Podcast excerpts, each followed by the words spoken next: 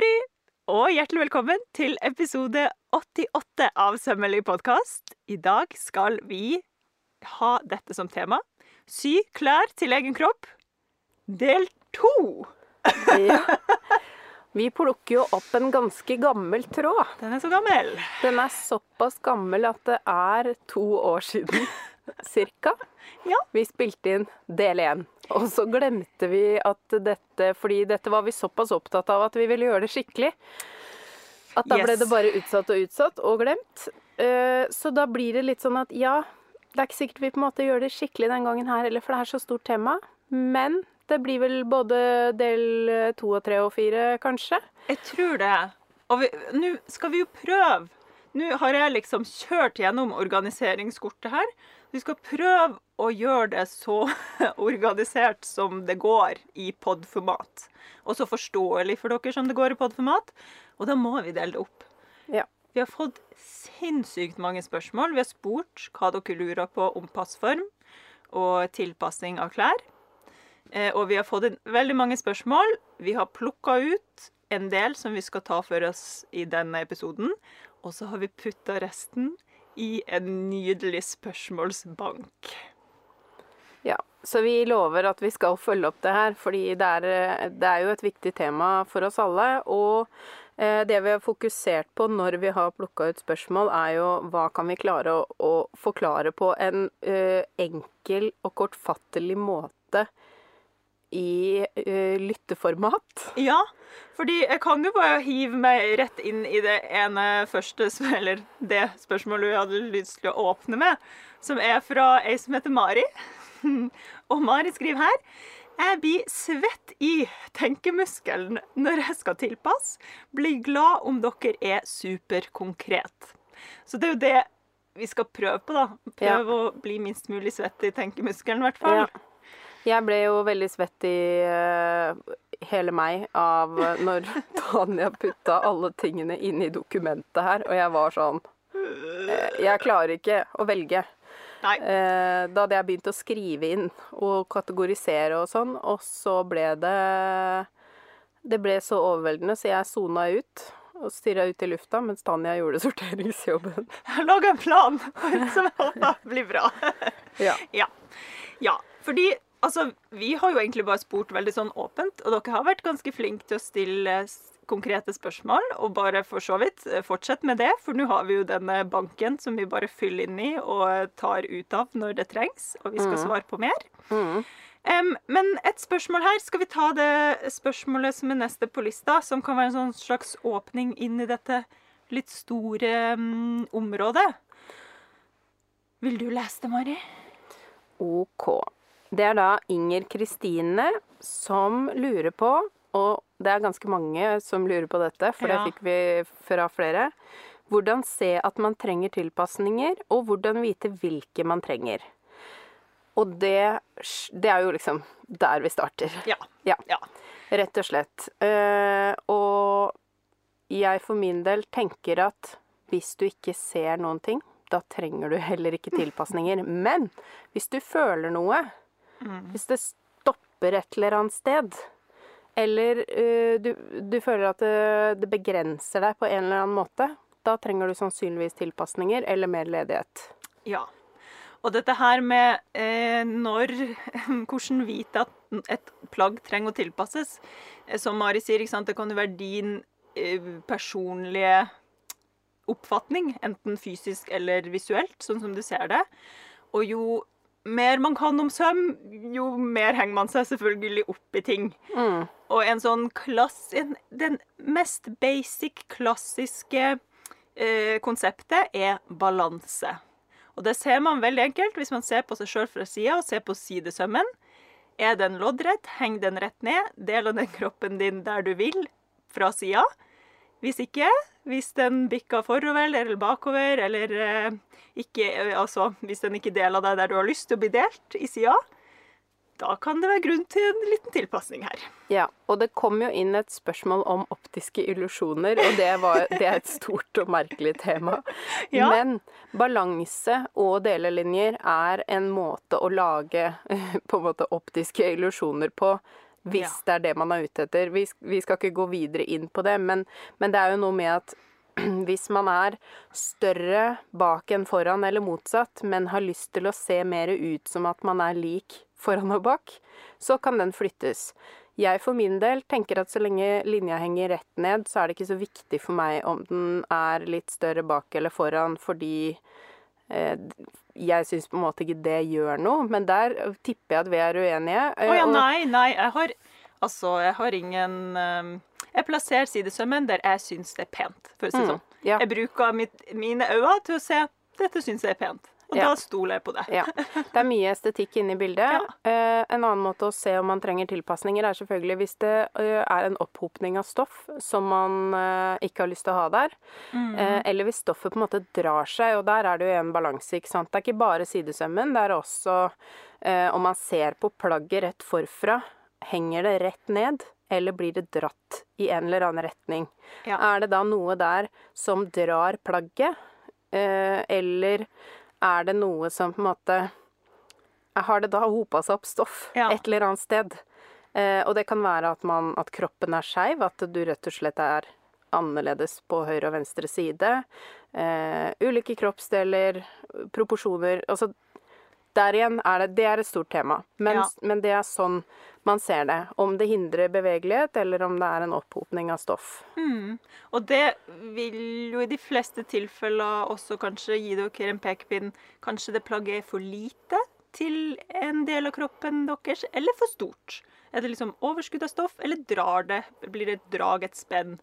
Men de, det som er litt artig, da, er jo at i begge tilfellene så danner seg jo sånne draglinjer. Altså det blir sånne pølser i stoffet. Ja. Så det er jo det å forstå. Er det for mye stoff? Er det for lite stoff? Og hvor og hvorfor? Åh, Ja, det er veldig gøy. Men da et eksempel, da. For eksempel rundt puppene. Er det da for mye stoff over eh, puppene, eller rundt der et sted, så vil det kanskje legge seg en liten pose oppå puppene, altså på oversiden.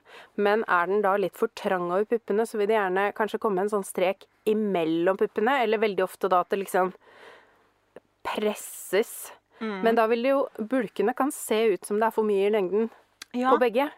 og det er en artig en der. Hvis det er for trangt over puppene, sånn at det dytter stoffet oppover, så får du et overskudd av Ja. stoff over igjen. ikke? Ja. Altså, man må, man må seriøst eh, ta på seg nerdebrillene Mm. og bare eh, forstå. Ikke se på symptomene, se på årsaken til symptomet, liksom. Ja. Ja. Og kjenn litt godt etter, for hvis du da kjenner etter, er denne for løs? Henger den unna kroppen, eller er den veldig tett inntil? Ja. Eh, er du fortsatt usikker, hvis du spretter opp sidesømmene da, kanskje bare nåler inn en liten bit i hver side, og så ser du ah, jeg kunne godt hatt en centimeter i hver side her. Mm. Hvis de forsvinner da, da er det vidden. Og før vi forlater spørsmålet her, så skal jeg bare si en ting til. For det, dette her med, med komfort og tilpassing, det er altså en finurlig greie noen ganger. Jeg har en, en eh, kjempefin syer som er medlem i Digitalt Sømrom, og, og hun eh, har vært hos meg og fått litt sånn én-til-én-veiledning på en grunnform. Og det som er litt artig med hun, Hanna, jeg kan sikkert si navnet hennes, Hanna heter hun, det er at når hun har på seg grunnformen sin, sånn visuelt, når jeg ser på henne, ser ingenting som er feil med den grunnformen. Den sitter som den skal, det er ikke noe drag, den ser liksom OK ut i ledighet og alt sånn. Men når hun står i den, så si, og hun klarer ikke helt å sette ord på det, så det er vanskelig å vite nøyaktig hva det er, men på den ene sida så er det et eller annet som eh, føles liksom rart og trangt og stramt og drar i ermehullsområdet. Og vi tror vi snart begynner å, å finne en løsning på det her. Men det er jo ikke sant det der Noe kan se helt fantastisk ut på når du står helt stille, og så klarer du ikke å bevege deg i det. Eller det, allikevel, det er liksom en følelse av at noe ikke stemmer. Det er jo også grunn nok til å prøve å tilpasse så det blir mer komfort i plagget. Mm. Ja. Det er ikke alltid vi heller klarer å sette Nei. fingeren på dette her, fordi man kan gå en del med et plagg før man liksom sånn Åh, men jeg bruker det ikke nok. Hva er ja, egentlig hva er grunnen? det? Ja. Så er det et eller annet med at ja, det sklir alltid bakover, eller lalala. Mm. Og, så, og så begynner tralten. Ja. Og det kan jo være sånn som da hvis et plagg sklir bakover, så kan det jo være hvis man da har satt på kanskje det er litt ekstra volum i skjørtet bak. Ja. Så er det fysisk Tungt. stoffet som drar kjolen ned. Ikke kroppen er noe i veien med. Nei, sant. Det er det aldri. Det er aldri Aldri kroppen. kroppen det er noe i veien med. Yes. Nei. Ja, så, så sånn her går dagene. Ja, det, nå er det bare å henge med her, dere. Nå Ja. har vi åpna denne Eh, boksen. og jeg ville også bare nevne, for det her burde vi egentlig sagt litt tidligere. Ja. Og det Vi ville egentlig åpne året med å si dette her, men ja! så, og så glemte vi det litt. Og, eh, men det Nå kommer det en liten eh, trudelutt. Trudelutt. eh, fordi at vi har jo fått eh, oss eh, en assistent. Og det er da nydelige Anja som skal få lov til å sortere alle spørsmålene som sendes inn. Ja. Og vi setter veldig veldig stor pris på å ha Anja med på laget. Vi håper jo at det bare kommer til å gjøre podden bedre og bedre og bedre. Så nå Mm. Så hvis Hurra. eh, dere sender oss en melding og får svar fra en Anja, så er det ikke Tanja som har skrevet glemt å skrive til. Nei, kanskje, men mest sannsynlig ikke. ja. Yes. Og det gjør vel egentlig at det er enda mer eh, rom og høyde for at dere kan skrive til oss. Gjerne også på e-post på Mm. sømmelig.podkast med k at gmail.com. Yep. For da, da er det en fagkyndig som tar seg av dette nå, og ikke bare oss to våsene som driver og har for mye å gjøre. ja. Da er det faktisk eh, en som er fagkyndig på å være eh, flink til å sortere og, og, Hold orden. Hold orden. Ja. Fordi alle som har sendt ting til oss, har, eller mange, har nok registrert at det kan ta litt tid før det kommer noe svar. Ja. Og det er fordi det er ikke det vi er best på. Vi er best på å svare på spørsmålene deres. Ja. Håper vi i hvert fall. Neste Ja. spørsmål. Ja. Litt i samme gata med dette her med um, god passform. Og det, det her har vi snakka om i flere tidligere episoder også.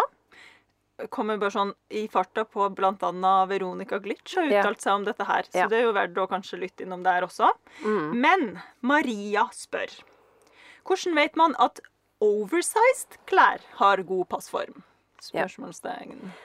Igjen et uh, ganske subjektivt uh, område, vil jeg si. Balanse vender vi jo stadig tilbake til. Ja. Det er jo en, det er en sånn hard fakta. Altså sånn Med mindre du, uh, hva skal man si, med vilje har gjort at balansen skal være ikke balansert. Det er jo også helt lov, det. Men det er jo en veldig sånn enkel og hard sak å sjekke. Er sidesøm, henger sidesømmen rett ned? Blir, eh, blir plagget dratt opp eller um, til en av sidene forfra eller bakfra? En god, hva skal man si, indikasjon. Mm. Og jeg har en sånn slags eh, balanse-guilty pleasure. Aha. Fordi Jeg tror jeg vet hva det er. Ja, det er et, ja, er det det at skjørtet at skjørtet vipper litt? Jeg har latt plagg tippe litt Ja. eh, oppover foran. Ja. Og da mener jeg ikke denne Paradise Hotel kort Nei, foran og lang nei, bak. nei. Men det, det jeg tror du har sagt det før, at du Ja. føler sånn liten jente-følelse av det. Ja. Ja. Jeg syns det er litt koselig Ja. med sånn hengslete passform. ja. Eh, og det er eh, Jeg vet egentlig ikke helt hva det handler om, men det er nok en sånn estetisk greie. Men jeg syns Mhm. ofte det er litt søtt når skulderskjømmene er litt bakpå. ja, at den henger litt sånn Ja. Ja. Eh, ikke vet jeg hvorfor. Og samtidig så, da jeg hadde veldig store pupper, så syns jeg jo det var helt grusomt, for da var det jo på grunn av puppene. Ja. Eh, men jeg liker det veldig godt når det ikke skjer på grunn av puppene. ja, ikke Ja, sant? veldig rar uh, greie. Men, men det syns jeg liksom er søtt uh, av en eller annen grunn. Ja. Ja. Og så tenker jeg òg dette her med oversized plagg. um, det, det her har jeg også sagt før, tror jeg. Er plagget sydd til å være oversized? Eksempel ta skuldra, altså isetting av ermet som et eksempel, da. Er det meint å ha en droppa skulder, Mm. så ser man det med en gang. Men man ser det også med en gang. Hvis det ermet er satt inn og skal liksom være på skuldra og kanskje til og med har en ermefisk og whatnot, og så henger det liksom Ja. litt for langt ned. Ja. Ref eh, eh, herredressjakke man har kjøpt brukt for å bruke på en hengslete, kul måte. Ja. Og da vil jeg faktisk bare nevne, for det får jeg mailer om fra tid til annen, om at uh, nei, folk var ikke helt fornøyd med martekåpa si fordi den sitter så rart over skuldrene. ja, men den har droppa har jo skulder. droppa skulder. Ja, ikke sant? Men da har man kanskje tenkt At at, man vil opp. ha en sånn med isatt skulder. ja. Eh, og igjen så har jeg jo da i denne toerversjonen faktisk endra bitte lite grann på du ermetoppen Ja.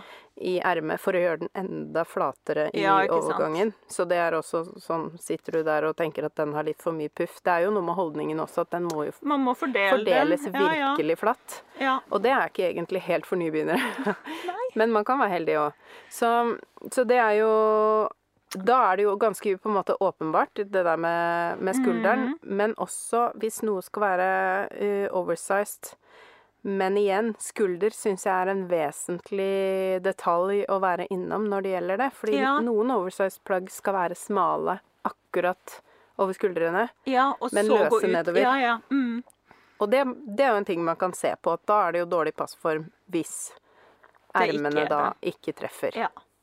Og akkurat det, det der, når du sa det med martekåpa, så kom jeg til å tenke på det. Altså, ikke ta den omveien. Har du lyst på ei kåpe som har isatte ermer, som sitter helt opp på toppen av skuldra, ikke kjøp et mønster med dropp av skuldra, og så skal du drive og tilpasse det. Mm. Nei, det er ikke gøy. Ikke, ikke gjør det. Bare glem det. Det er ikke noe vits, med mindre du har stålkontroll og vet akkurat hva du driver med. Men da konstruerer du ditt eget mønster. Da trenger du ikke å kjøpe noe. Mm. Altså, se etter det du har lyst på. De bildene på utsida av mønstrene de viser hvordan mønsteret er, og teknisk tegning viser også hvordan eh, plagget blir. Så eh, ja. Ikke tenk, tenk, tenk, tenk. Tenk, tenk, tenk. Mm. Se på den tegninga, Ja, og tenk er den skulderen på skulderen, eller er den nede på armen? Og hva vil du Ja. ha? Ta det du vil ha. Ikke Ja. ta det du ikke vil ha, og så må du bruke fem år på å tilpasse det til det du vil ha. Ja. Det er kjipt. Ja. Jeg har absolutt vært innom tanken om å slippe et tilsvarende mønster som Med Marte, isatt. bare med isatt erme. Men jeg var ikke Altså, jeg har jo en uendelig drømmeliste over Ja. ting jeg vil gjøre, så Ikke det sant? har bare ikke skjedd. Så det er sånt. Sånn er det. Sånn er livet. Ja. OK, skal vi ta neste spørsmål her? Eh, der er det. Fra Anja. Ikke vår nye assistent Anja, men en annen Anja. Anna Anja. Ja. Eh, det er egentlig et spørsmål om generelt hvordan man kan tilpasse favorittplaggene når kroppen forandrer seg. Veldig fint spørsmål. Ja. Og det er vi jo begge veldig opptatt av, å legge ting til rette for at eh, man kan forandre seg. Mhm. Eh, jeg snakka jo ganske mye om det å, å gjøre klærne større i, på denne tiden Ja. i fjor. Eh, da jeg gikk opp en størrelse og ikke hadde noen ting, for jeg var så veldig opptatt av at jeg skulle ikke sitte og klamre på små plagg. Fordi, Ja, ja. fordi at de ble sånn påminnelser. Og Ja. jeg tenkte aldri at det kunne skje at jeg gikk ned igjen i vekt. Eh, Men så fikk jeg magesår, så nå har jeg, nå har jeg virkelig kjent på begge sider av, Av eh, det der. Eh, og altså alltid det å ha litt ekstra sømrom der hvor det er rette linjer. Mm. Det er jo en sånn veldig enkel og grei tilpasning. Det er nesten ikke en tilpasning engang, fordi man bare tar ut og inn. Ja. Og da mener du på en måte å ikke putte inn mer der det skal um, være holdning eller bues, altså der det kan bli for mye sømrom? Det er det Ja. du tenker når du sier rette? Ja. Ja. Mm. Ikke putte inn to centimeter i ermehullet. Nei. Eh, Det er veldig dumt. Yes, det var godt å få avklart. ja. Det som er kjipt er altså sånn som du sier da, ikke sant? hvis man bare blir mindre og mindre, så kan man jo ta ting eh, inn og inn, og inn på en måte. Men det vil noen ganger Nå bare, nå må jeg tenke eh, Ja, det er jo det der med at høy, noen ganger så kan man jo ikke forandre høyden. Skjønner du hva jeg mener, Mari? Mm. Ja, nu, dette her klarte jeg ikke å forklare Nei, veldig bra Jeg tror at jeg kan forklare det. At hvis Ja. man ser for seg eh, livlengden, da, eller altså lengden på det området som kanskje har gått eh, opp f.eks. i vekt, Ja, eh, da vil jo lengden også trenge mer stoff. mer Ja. Eh, ikke bare bredden. Og det er jo mulig, sånn som i midjen, å ha, en, å ha to centimeter hvis man har en delelinje i midjen. Mm. Eh, men er det en eh, buksedress i en bit, så er det jo vanskeligere. Ja. Så det kan Altså leng Og bredda og vidda er jo lett å ivareta i litt ekstra sømrom i sidesømmene osv. Mens dette her med at med en gang For vi er jo tredimensjonale skapninger. Så når vi blir bredere, så blir det også lengre vertikalt nedover til bakken, ikke sant? Blir en omvei. Blir en omvei, Ja. og den må jo ivaretas med stoff. Og det er jo det å ha nok stoff der Mm. som kan være tricky. I kjola, for eksempel, eller ja, som du sa, jumpsuits og sånn. Man kan jo legge inn da smart plasserte delelinjer og felle inn eh, et stoff, Mm. eh, men da må man jo omfavne det som en del av designet, da. Ja. ja. Og det må man jo. altså sånn, Man kan ikke få i pose og sekk. Nei. Du kan ikke få et eh, plagg uten sømmer. Du må Nei. putte inn sømmer. Ja. Og hvis du har lyst til at det plagget skal kunne tas ut og inn, og alt sånn, så må du liksom tenke på det når du designer og Mm. legger inn det som sømmer.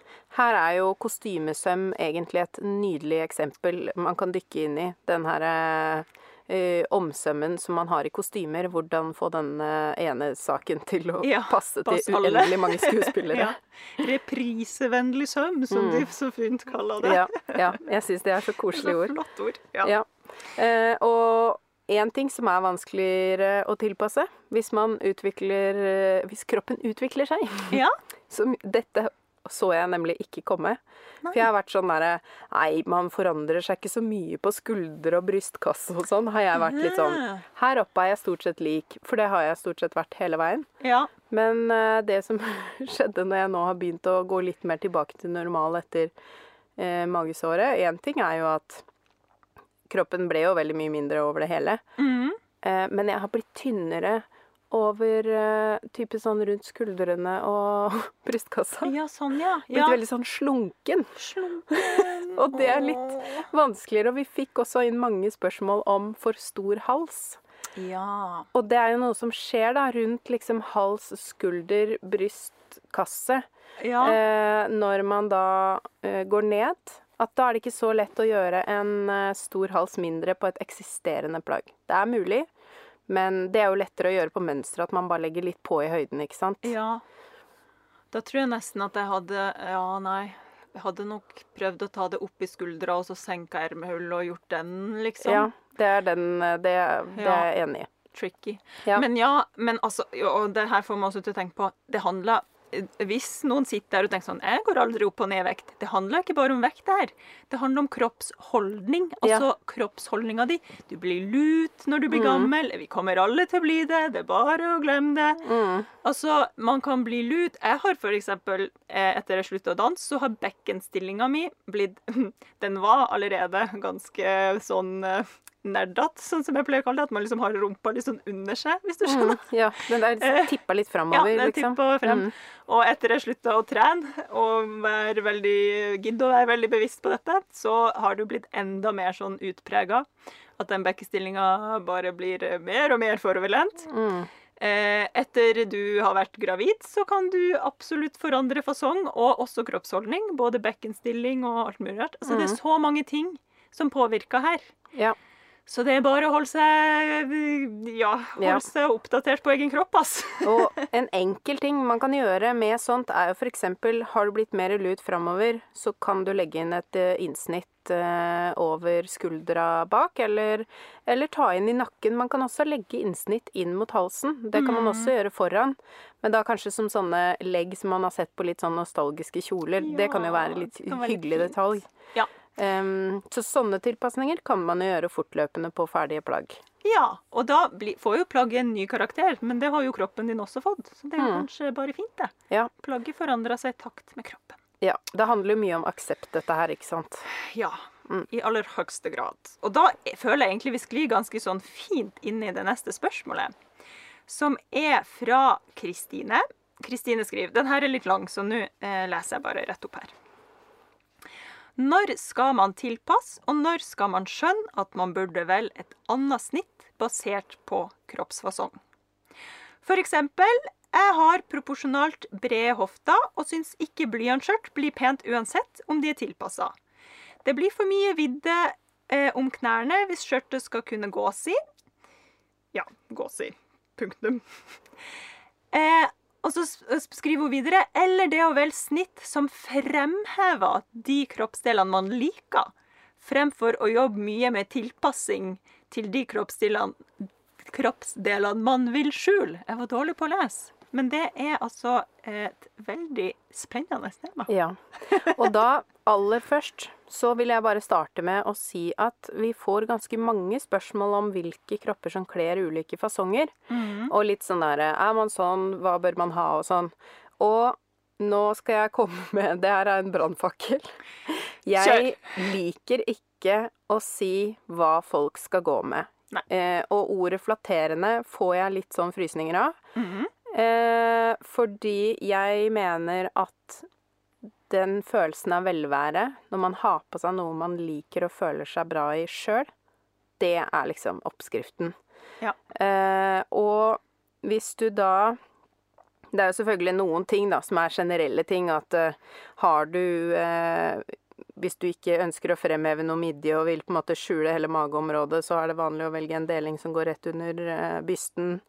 Sånne type ting. Altså hvor man plasserer midjen. Man kan jo være bevisst på eh, hvor man legger linjene, men, eh, men det her er at, eh, at alle kan bare følge denne oppskriften, så føler de seg fine, og så blir de fine. Det, det blir jeg litt sånn irritert av.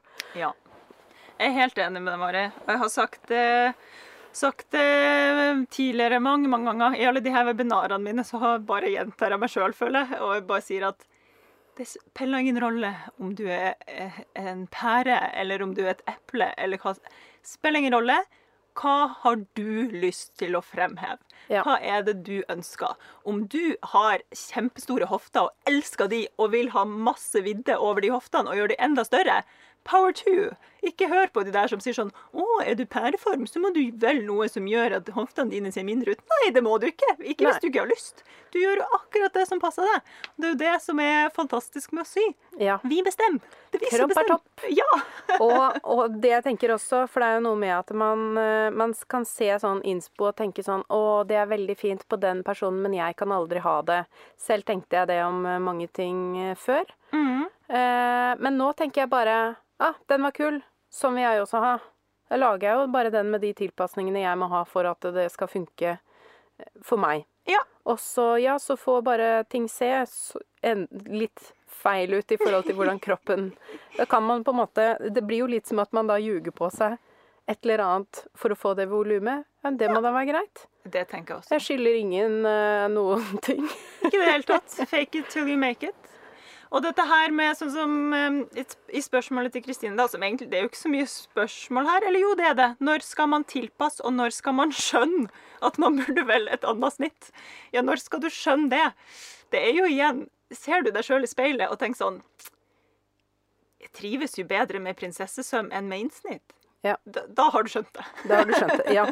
Og jeg tenker at du, eh, hvis du tar en titt på hva du føler deg fin i, hvis du trenger en eller annen regel å forholde deg til, da, se på alle favorittplagg.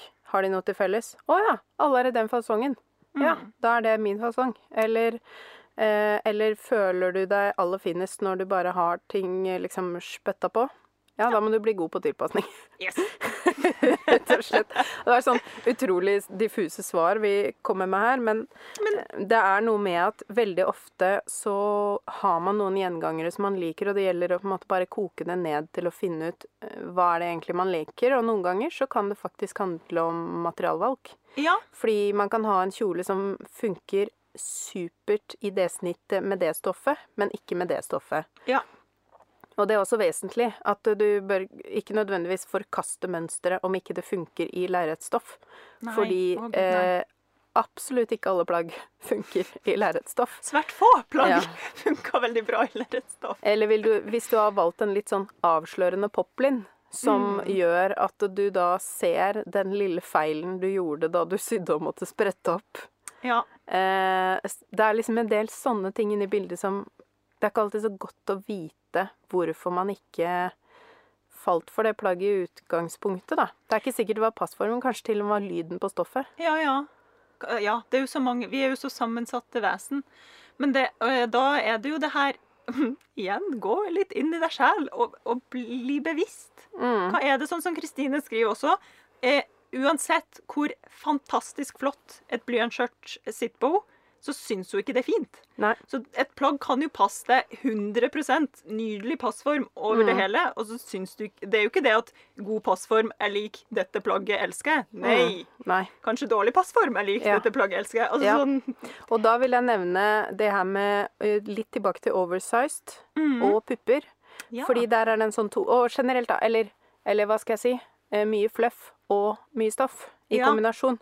Noen liker, og jeg husker da, da jeg hadde mye pupp, så foretrakk jeg å gjemme meg bort i løse plagg. mm, Men da så jeg også mye større ut i hele meg, fordi det bare la seg liksom over puppene og videre nedover som et telt. ja. Så så jeg ut som jeg var mange størrelser større enn det jeg egentlig var. Men da slapp jeg at folk var opptatt av puppene mine. Mm. Jeg fikk høre på en fest på videregående at jeg eh, var hun med puppa i andre klasse. Herregud. Ja, Og da hadde jeg prøvd så godt jeg kunne å skjule det. Ja. Så eh, selv om ikke det syns så godt på meg nå lenger, så er det sånn Det, det sitter hos meg. Så jeg kunne aldri funnet på jeg, kan, jeg har hatt så mange kjoler som har sittet liksom perfekt, for jeg har øvd meg mye på passform på meg selv. Mm. over puppene, men så har det kanskje da vist litt mer pupp enn hva jeg var. For jeg vil- ville at det skulle være en hemmelighet at jeg hadde pupper. Det skulle være hemmelighet, Ja. Mm. Og da følte jo ikke jeg meg vel. Nei. Mens eh, andre tenker jo det er dette jeg har. Ja, Det er dette jeg vil vise fram. Ja, ja. Helt greit. Eh, og det er på en måte ikke noe Det er jo en smakssak. Det var ikke god passform, det der teltgreiene jeg holdt på med. Men jeg følte meg bedre i det. Ja. Mm. Nei, absolutt. Så det, ja, det koker jo bare ned til at du har jo makten i dine egne hender. Ikke hør på det vi sier, Mm. Ja. egentlig. Altså, Ja. Bare gjør det opp din egen Ja. mening. Det Og vil du være hun med rumpa, så tenker jeg bare fantastisk. Yes. Du kan Det- være hun med hva som helst. Ja. Det er nydelig. Ja. Eh, og så syns jeg det var så fint det som Kristine skrev på slutten der. ikke sant? I stedet for å drive og prøve å gjemme bort den magen, hva er det du vil fremheve? Ja. Er ikke det en fin ting? Altså, neste syprosjekt Det er ikke snakk om å gjemme bort noe, det er snakk om å fremheve det du har lyst til å fremheve. Og heller Mm. ha fokus på det. Gud, så mye mer lysbetont. ja. Altså for den resten av kroppen den får bare være der. For den er jo Den er jo der. der. Den er jo ditt fremkomstmiddel her i verden. Det tenker jeg òg. Ja, Vare på den. Vis den frem. Vis frem Ja. det du vil vise frem. helt enig. Yes. OK. Ja, og så når vi da først er inne på dette her med mm, volumer Mhm. ledighet.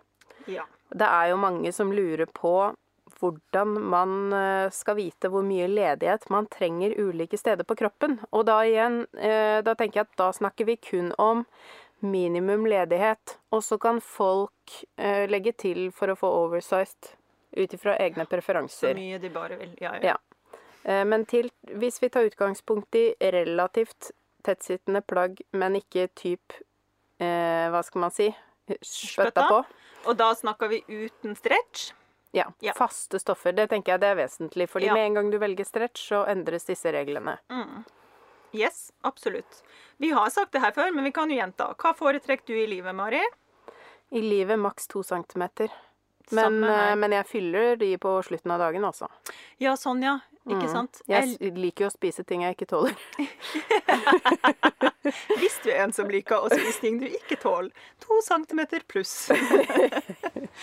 ja, og der igjen, um, apropos passform og, og liksom snitt og uttrykk, det er jo det som egentlig bestemmer her. Ja. Så jeg syns det er veldig hyggelig å fremheve det livet jeg har. Mm. Stolt av livet. Så jeg kan Og det er ikke komfortabelt, det skal jeg ikke si. Men eh, jeg kan jo gå ned til liksom ingen eh, Null ledighet i Ja. livet på enkelte plagg, da. Ja.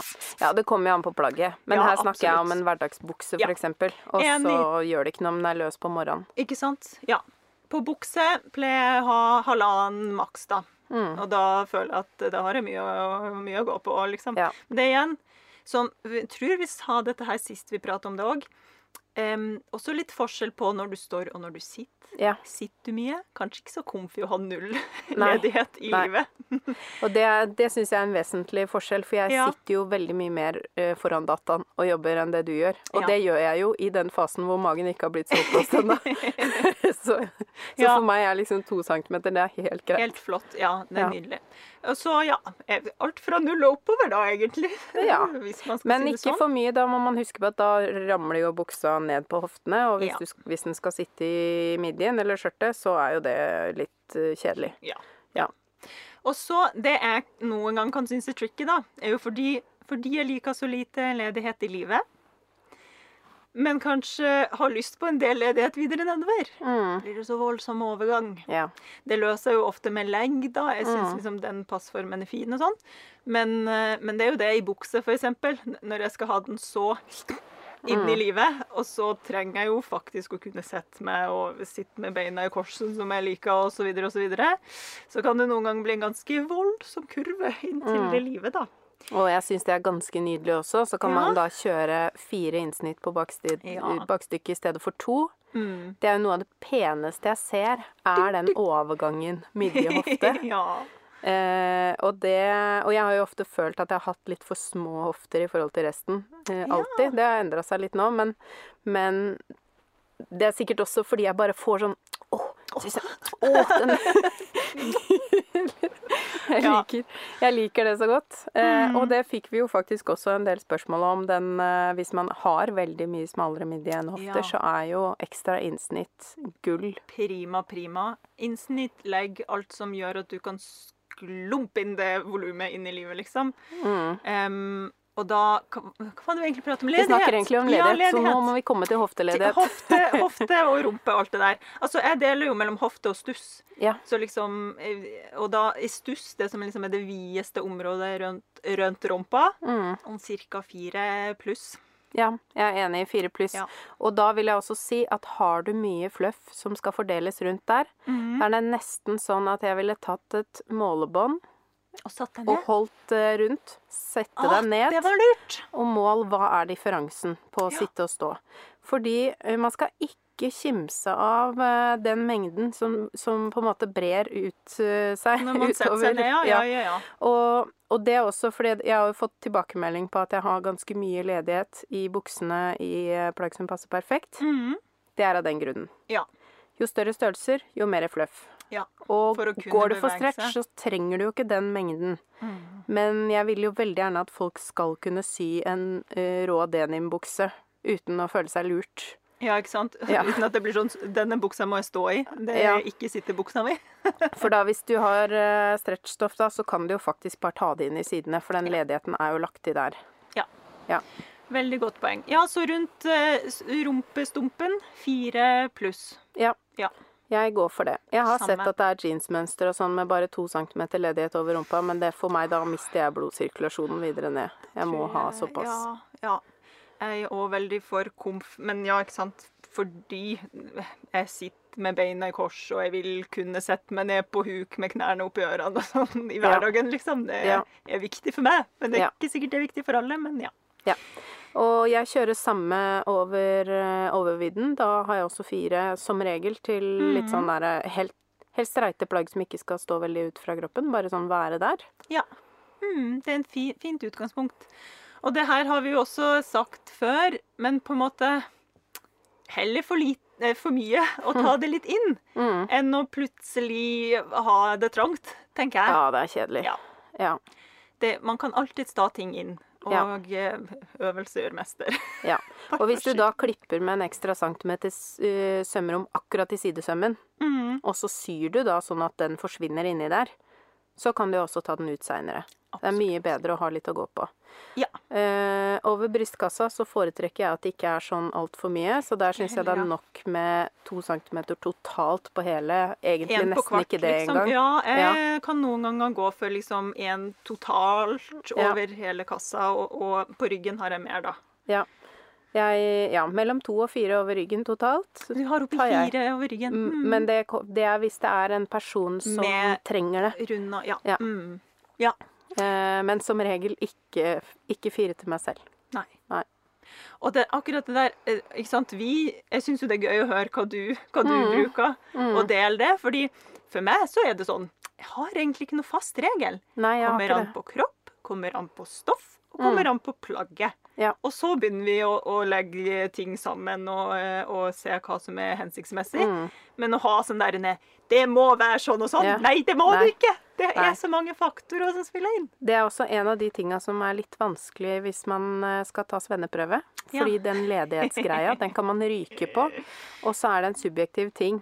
Eh, og, og, det, og selvfølgelig, man kan ha altfor lite ledighet, men, men det der er vanskelig. Ja. Men jeg vil også bare nevne, siden vi har, faktisk har snakka en del om tilpasning, at hvis noe er for trangt over ryggen, Mhm. men det tilsynelatende er nok over selve ryggen eh, Ryggbredde, det ligger også litt i ermet. Eh, altså bevegeligheten fremover er også en del av ermet. ja. Eh, så det man kan, kan, man jukse inn mye bevegelighet inn i en litt god og bred ermetopp, for å si Ja, det sånn. ja. Så, så ha det i bakhodet hvis du syns det blir for posete over ryggen i forhold til hva du har tenkt å Hvis du skal danse mye, kanskje du skal gå for en topp med ballongermer. Det hjelper mye. Mm. OK, dette her med ledighet. Nå hadde du et fantastisk tips på eh, mål. Å, sette seg ned med målbåndet rundt rumpa. Det syns jeg var nydelig. Tar jeg med meg. Eh, for her er det da Signe Marie som har spurt eh, hvordan ta gode kroppsmål. Mm. Viktig. Det er viktig. Og du har jo laget en hel eh, liten serie av hvordan man kan måle på Ja. seg selv. Og for det her også får jeg veldig mange henvendelser om liksom sånn Å, men hvordan får jeg tatt gode mål selv og sånn? Mm. Eh, og samme med tilpasninger på seg selv.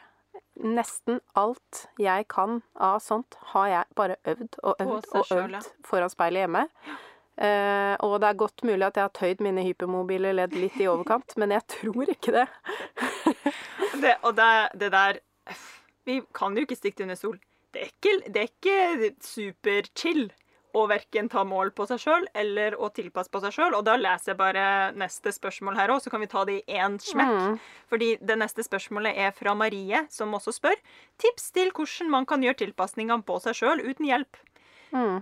Det er vanskelig. Ja. Altså, vi har ikke eh, øya på ryggen, vi har ikke hender på ryggen. Vi må være litt slangemennesker når vi gjør det her. Mm.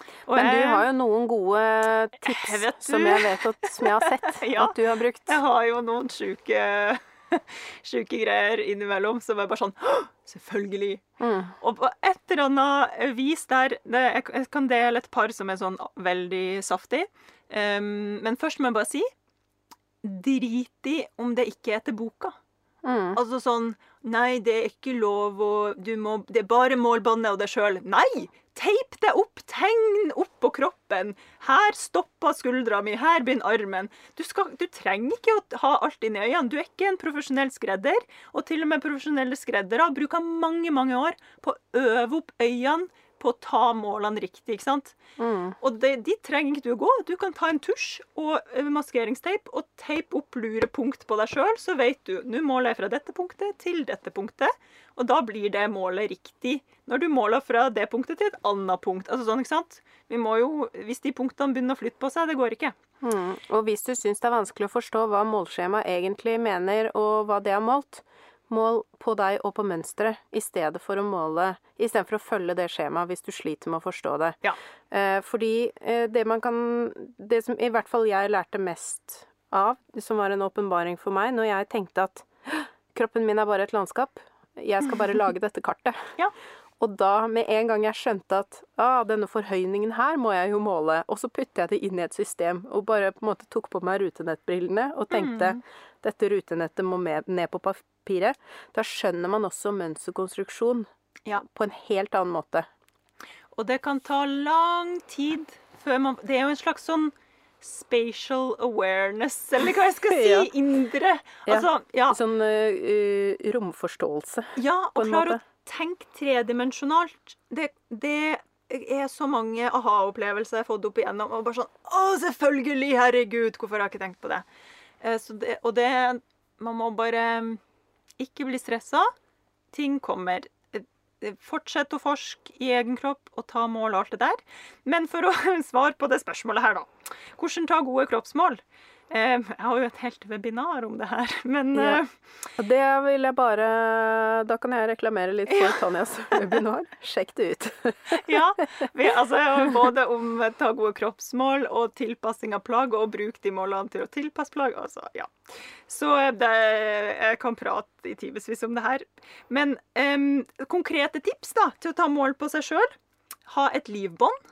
Altså plasser en, et bånd i livet, en strikk eller et bånd eller hva som helst, så du vet akkurat hvor livet ditt er. Så hver gang du måler fra livet ned til et eller annet punkt, kne, gulv, hva som helst, så måler du fra samme punkt. Og så måler du fra samme punkt oppover også, ikke sant? Hvis du bare gjør det her på øyemål, da kan det livet flytte seg ganske mye i løpet av en sånn måltagingssession. Mm. Og så bruk det livbåndet for det det er verdt. Altså, Nå har jeg allerede sagt det her med teip og plassere punkt og hu og hoi.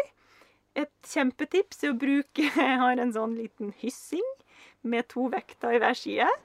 Og den hyssinga den kan jeg liksom finne på å henge opp på skuldra for å se hvor faller hyssinga ned foran og bak. For å finne et ermehull jeg syns er pent. Ja, balanse, rett og slett. Ja, rett og slett skuldersømplasseringa, liksom. Og det er gull verdt, det. Har også en sånn- triks med å ha sikkerhetsnål i livbåndet, som du kan lir målbåndet gjennom bak på ryggen. Det syns jeg er den beste. er så bra!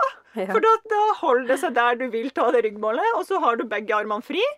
Og det er egentlig det beste tipset, som veldig mange ikke eh, tar stilling til, eller sånn, som veldig mange kimser av, ha et lite speil. Med en gang du tar mål på ryggen og driver og snur det Nå snudde jeg meg vekk fra ja. mikrofonen, dere hørte kanskje det, kanskje ikke. Men når du skal drive og begynne å snu det, og kikke ned og kikke opp og kikke bak, da forandrer du lengden. Ja. og breddene i kroppen. Og det gjelder også det samme med tilpasning. Det vil jeg Ja. bare nevne. Fordi med en gang man ser ned på en bukse, poser i skrittet. Ja, da blir man kortere i hele fronten. Sånn Ja. er det bare. Mhm. Så bruk spe, ha ett speil foran deg, ha, om du har, ha et speil bak deg, og et sånn lite speil. Så du kan se på deg sjøl i alle vinkler uten å bevege deg nærmest. Eh, Seagulls, uendelig speilrom. Uendelig speilrom. Ja. Sånn der inne som gjør det sånn flat, eller sånn stor. Nei da. Ja.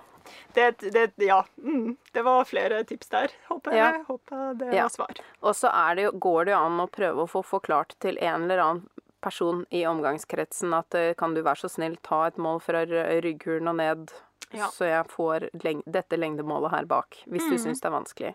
Og da, hvis du ikke stoler på at en person skjønner hvor det målet skal tas, da tar du en teipbit, teipa på ryggkulen din, så sier du herifra, og så har du et livbånd ned til det båndet. Mm. Ja. Da kan til og med Markus på eh, 13 år gjøre det her for deg. Ja. Det er eh, Sånne ting er eh, mine familiemedlemmer godt opplærte til å Ja, takle. de, eh, de er strigla på det. Her gjelder det å, her gjelder det å ha kontroll. Ja. OK. Har vi noen andre sånn konkrete tips på det her med tilpassing på seg sjøl?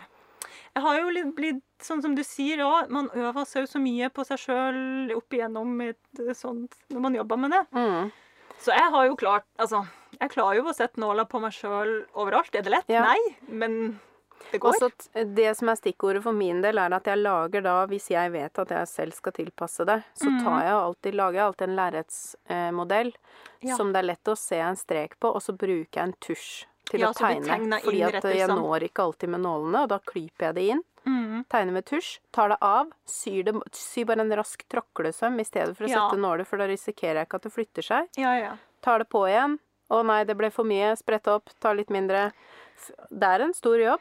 Det du sier der, og ikke bli lat. Ta, Mm. ta det av. Ta Ja. det på. Ja. Prøv igjen. Av, sprett opp, sy på nytt. Ta det Mm. på. Altså, det er en omvei å gjøre det på deg Ja. sjøl, men Men det er helt innafor, og syns du det er flaut at noen graver oppi skrittet på deg, ja, da kan du fint gjøre det sjøl. Ja. og, og for eksempel rumpe, da. Er kanskje noe folk tenker er vanskelig å justere. Mhm. Eh, men jeg tenker er det én ting som ikke er så innmari vanskelig, så er det å sprette opp sømmen midt bak, ta på seg buksa.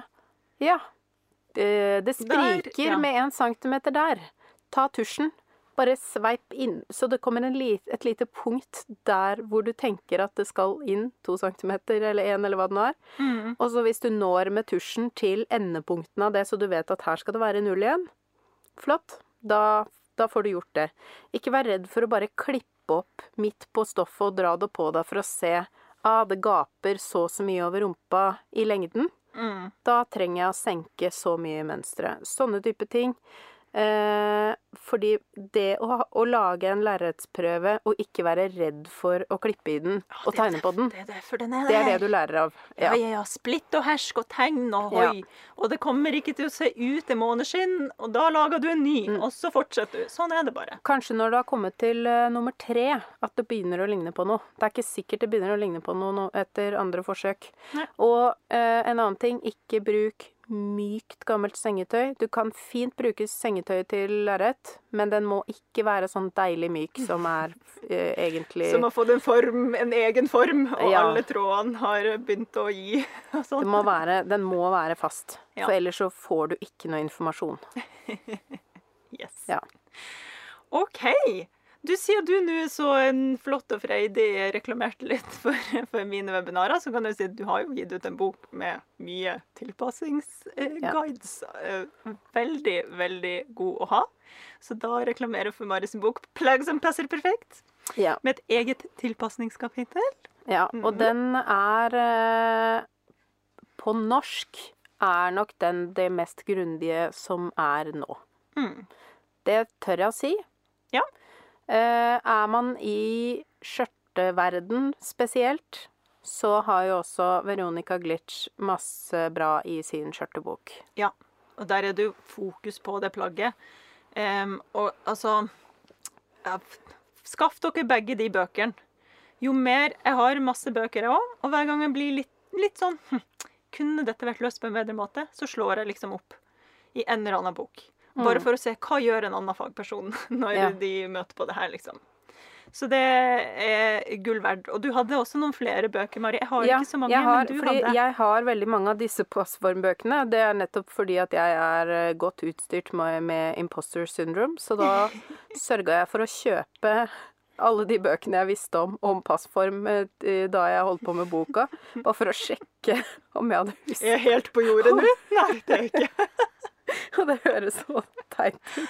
Det er viktig å sjekke. Det er helt enig. Eh, så det er jo ikke bøker som jeg egentlig har brukt selv, men, men dette er de bøkene som folk eh, sier at de elsker, og som Mm. de er kjempefornøyde med. Eh, så da har jeg plukka ut de tre som jeg syns er mest fornuftige av de jeg har, da. Jeg har Ja. jo et lite passformbibliotek bare fordi jeg syns at det måtte jeg ha. Mhm. Eh, og, og det som var litt komisk, var at de tre bøkene jeg trakk fram, viste seg alle å være skrevet av de samme folka. Så da regner jeg med at det er den metoden jeg foretrekker, da. Ja. Og det er nok fordi den er ganske intuitiv. Eh, for jeg er først og fremst selvlært når det gjelder passform. Jeg lærte jo også en del på skolen om det, liksom sånn hvordan man bør gå fram. Mm. Eh, så det jeg Jeg kimser overhodet ikke av det jeg lærte på skolen, men Neida. Passform er prøving og feiling. Og passform er eh, ikke ferskvare, men det er jo Hver og en kropp Ja. er unik. Liksom. Det er Ja. ikke noe du, Selv om du lærer at å, hvis du eh, har svai rygg, så må du gjøre det og det. Ikke sikkert det er akkurat Nei. det du Nei. må gjøre. Fordi kanskje Ja. det er en kombinasjon med en liten rumpe, eller kanskje det er en kombinasjon med noe annet. Det er jo det som er eh, rosinen i pølsa her. Mm, Man er nødt til å ta hele veien. Det er ikke noe kort vei her. Hva Nei. heter det? Stikkvei? Nei, hva heter det? ja. Nei, det er ikke noen snarveier til god passform. Ja. Og, og det som er uh, viktig å huske på da, er jo at uh, hvis de ulike passformutfordringene påvirker jo hverandre. Sånn at selv om du gjør en endring for svai rygg, eh, også hvis du gjør en endring for svai rygg, så kan det hende at det eh, påvirker en rumpe litt lenger ned der. Eller en rygg litt lenger opp der. Det, Ja. det vet vi ikke. Og Eh, er det en svai rygg? Svai rygg har vi ikke vært inne på. Nei. Og det er egentlig litt dumt, for det er veldig mange som lurer på. Vi, ha, vi skal tilbake til dette. Det er mye, vi har masse tid. 2022 ja. er et langt og flott Ja. år. Svai rygg og overvidde, vi har ikke glemt dere. Og bukse og mage, vi har ikke glemt dere heller. Nei, det var Det bare at vi vil gjøre det grundig. Og vi har, eh, vi har en lang episode allerede, så det er Ja. Så for å komme tilbake til det jeg begynte å si Ja. eh, dis, Alle disse tre bøkene er skrevet av Polmer og Pletch, og det er da en De kaller det liksom The Polmer Pletch Method. Love to Soul har faktisk eh, hatt et intervju med Ja, eh, en fra liksom dette teamet, da. gøy. Ehm, og den eh, som nok er den mest populære boka, er Fit for Real People. Og så er det Pants for Real People. De er av ganske gamle og morsomme bilder inni. Og så er det jo den eh, oppdaterte versjonen som jeg kjøpte egentlig bare fordi jeg var nysgjerrig på oppdateringen. Og det er da The Palmer Pledge Complete Guide to Fitting. Eh, Og var det da noen ting de på en måte hadde forandra? Innholdet er mer eller mindre det samme, men sånn som Pants for Real People, da handler det jo om bukser, ikke sant? Eh, men eh, den, er, den nye er jo nok litt mer ryddig og delikat. Ja. For det er jo en del litt daterte bilder. Det er hyggelig, syns jeg. Eh, og så har vi fått en anbefaling som ingen av oss eh, kan eh, si noen ting om, og det er en helt ny bok som kom sånn eh, rett etter min, eller rundt min, mm. eh, som heter Ahead of the Curve. Ja. Ehm, og, og den er jo da også på engelsk, eh, men den står på min eh, liste list. som jeg skal Ja. ha inne i biblioteket mitt. Gøy. Ja. Jeg har jo ingen av disse. Um, har noen andre som jeg ikke husker navnet på. Igjen fordi, og som, som vi begge har sagt her nå, det er jo et veldig praktisk Praktisk kunnskap, det her. Det er Mm. veldig fint å ha et godt bibliotek, men dere er nødt til å øve. Dere er Ja. nødt til å øve. Man kommer faktisk ingen vei uten det, og, eh, og jeg syns faktisk ikke at det har vært så veldig Det er jo derfor jeg ikke har brukt de bøkene, fordi jeg er en person som må ha det i hendene. Ja. Eh, så det er eh, Men det kan være fint hvis du tror at du har en løsning. Og Og se se. Ah, Mm, det er dette. Det heter det. helt eh, nydelig. Um, for det er jo veldig mange ting jeg har gjort helt ubevisst uten å vite at det hadde et navn. Ja, ja. Og så første gang noen var sånn Å, det er FBA. ja, hva er det, Hæ? liksom? Jeg vet ikke. Og mener du Å ja, det er da det vokser en pupp ut av mønsteret! Ikke sant? For da har du åpna, og så har det vokst opp en pupp. Ja, Ja. skjønner. Ja. Ja. Så, så det er og, og samme hvilken måte man velger, om man velger å splitt og hersk, som du kaller det, klippe opp og se hvor mye som åpner seg, eller om man velger å ta et fysisk mål og måle fysisk på mønsteret. Å ja, Mm. her mangler det noe. Det er liksom to forskjellige innfallsvinkler. Ja. Eh, men det er nok kanskje lettest å forstå den praktiske. Og ve ja, vel det som funka for deg. Vi er Ja. jo så forskjellig skrudd sammen. Ja. Jeg har eh, Det artigste jeg vet, jeg har jo hatt noen sånne webinarer der folk sender inn bilder av Mm. plagg som ikke passer. Og så går vi gjennom det, og så prøver liksom å, å klekke hva er det som har skjedd her. Hva er justeringene på mønster og sånn. Og det er Det syns jeg er det gøyeste. Å se, å se de ulike eh, bildene folk sender inn. For noen kan ha akkurat Altså, det ser veldig, veldig likt ut. Mm. Men veien for å få det ordna er så forskjellige, for vi er så forskjellige. Ja. Det må jeg bare minne dere på enda en gang til, for hundrede gang i denne episoden. Vi er alle sammen veldig individu- individuelle, mye likt, men det må sjekkes om det passer for deg eller ikke. Mm. Yes. Det er også det som gjør dette temaet så, Åh, så veldig morsomt å jobbe med. Ja, jeg kunne bare jobba med passform, jeg tror jeg. Du kunne det, ja? Ja, jeg Nei, det Jeg måtte jo laget noe koko greier innimellom, da. Ja. Ja. Nei, jeg må, jeg må sy biser og sånn. Ja, Så går det ikke. ja nei, passform er det beste. Det er gøy. Ja. Ja, har du noen uh, feil uh, du vil dele, da? Å, tilpasningsfeil. Det har jeg helt sikkert. Herregud. Budubb, budubb, budubb. Oi, oi, oi. Æsj Jeg kan jeg jo ta et dette. sånt overfitting-eksempel. Ja. Fordi det her er Det er veldig fristende når du først er i gang å gjøre Mm. tilpasninger. At du tilpasser så mye at det blir dårlig passform igjen. Ja. Eh, For eksempel eh, denne ståkjolen jeg lagde for noen år siden. Eh, Fordi jeg hadde en tanke om at jeg skulle lage en, en kjole jeg kunne gå uten bh i. Mm, så Så jeg bare tok den litt skikkelig inn. Oh, oh. Og det jeg oppdaga på den festen, var at nei, jeg kan ikke sitte. Oh. Eh, veldig fort gjort. Eller at man plutselig ikke kan ta armene fremover, eller ledigheten Eller har løft armene oppover hodet og fiks Ja. håret, liksom. ja, Den er og da kan plagget kan se helt nydelig ut Når du står, ja. når du står helt stille. Men eh, ledighet må faktisk være en del av plagget. ja. Og så får du være opp til dere. Er første pri å kunne bevege seg, eller første pri å se flott ut når man står rett opp og ned? Ja. Der, Der får dere vel sjøl. Det er vel en smakssak, Det er en smaksak smakssak kanskje om man vil bevege seg eller ikke. i livet. Ja. ja. Nei, vet du hva? Jeg, jeg har garantert noen sånne. Eh, jeg har ikke sånn konkret som jeg Jo, har jeg kanskje på et eller annet tidspunkt gjort det. Du vet når man lager en stikklomme, eller gjerne en sånn skrå stikklomme. Og så eh, vil man jo at den buksa skal være ganske trang over hoftene, da. Og så eh, begynner jo de lommene å gape eh, Mm, ganske ja. heftig. Fordi det, man må også ta hensyn til sånne ting. Ikke sant? Mm. Hvis man har lomma, da må det faktisk henge fritt. Det er ikke noe som kan spennes opp mellom de sidesømmene plutselig lenger. Det har jeg garantert gjort. Ja. Uten at jeg liksom Sånn bulende sikklomme har jeg hatt. Ja, sant. Mm. Den, er kjip. Og det er jo en passform, det òg. Mm. Tror det eller ei. Men jeg har en liten innspo, eller jeg vet ikke om det er en innspo eller hva det er. Det er et et redskap, et triks. Hvis du står og står helt fast på et plagg som sitter liksom rart, og du skjønner ikke hva det er. Er det for stort? Er det for lite? Er det, hva er det som er feil her? Et tipset mitt er eh, snu hjernen på hodet og tenk hvis, det, er- hvis jeg har et perfekt plagg, hva må jeg gjøre for å få frem denne feilen? Og da skjønner du også hva du må gjøre for å få den feilen bort. Skjønte du det?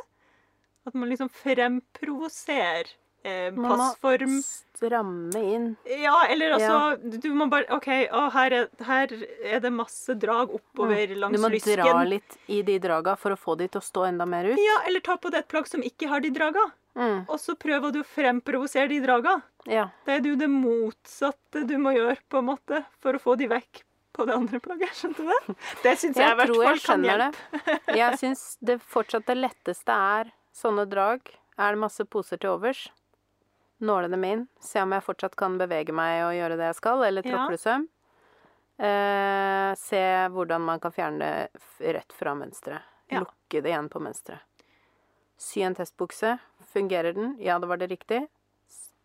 Trenger den de, det der? Ja. Da var det feil. Ikke sant? Eh, men, men alle har sine metoder. Og det er jo Ja. det vi egentlig vil at dere skal nå bare sette dere ned og finne egne metoder. Gjør det. Rett og slett. OK. Og så sånn på tampen Hvis du da ikke har hørt på Sy klær til din kropp del 1, så er det altså så langt tilbake som episode 15. eh, og der snakker vi ganske mye om måltagning eh, og sjekkmål. Altså Ja. hva pleier vi å sjekke? Yes. Så den, eh, den er egentlig ganske grei å gå tilbake på. Jeg mener å huske at jeg fikk en del angst etter den episoden, fordi jeg hadde Aha. så total overtenning. Jeg storkoste meg. Eh, og det var, det var på det nivået at jeg måtte sende melding Hva er det da? og var bare sånn Vi hadde- Jeg orker ikke. Vi, hadde, vi var jo veldig frynsatt i starten generelt. Det var Ja. mye, mye frynsing rundt alle episodene i starten. Nå har jeg kommet over det. Ja, ja, det var jo litt uvant at folk skulle sitte og høre på det uh, munndiareen som noen ganger kommer. ja sånn er det. Men passform er altså fortsatt et favorittema. Og vi kommer tilbake. Vi har alle spørsmålene deres eh, eh, i banken vår. Og jeg tror det må, ja, det må bli flere, mange flere episoder med sånne konkrete spørsmål om passform. Som Ja, vi kan dissekere. Ja, det syns vi var gøy. Og vi håper at de som eh, fikk besvart sine spørsmål, føler at de fikk skikkelig svar. Ja. OK. Ja. Takk for i dag. Takk for i dag, og god tilpasning. God tilpasning. Tusen takk for at du hører på Sømmelig podkast. Og takk til Andreas Prestmo i Wildtagen Studios for lyd og klipp. Og til Synnøve Overid for den fine musikken. Liker du kaffe? Det gjør vi òg. Hopp inn på patrion.com slash sommerlig og spander en månedlig kaffekopp på oss. Patrion.com slash sommerli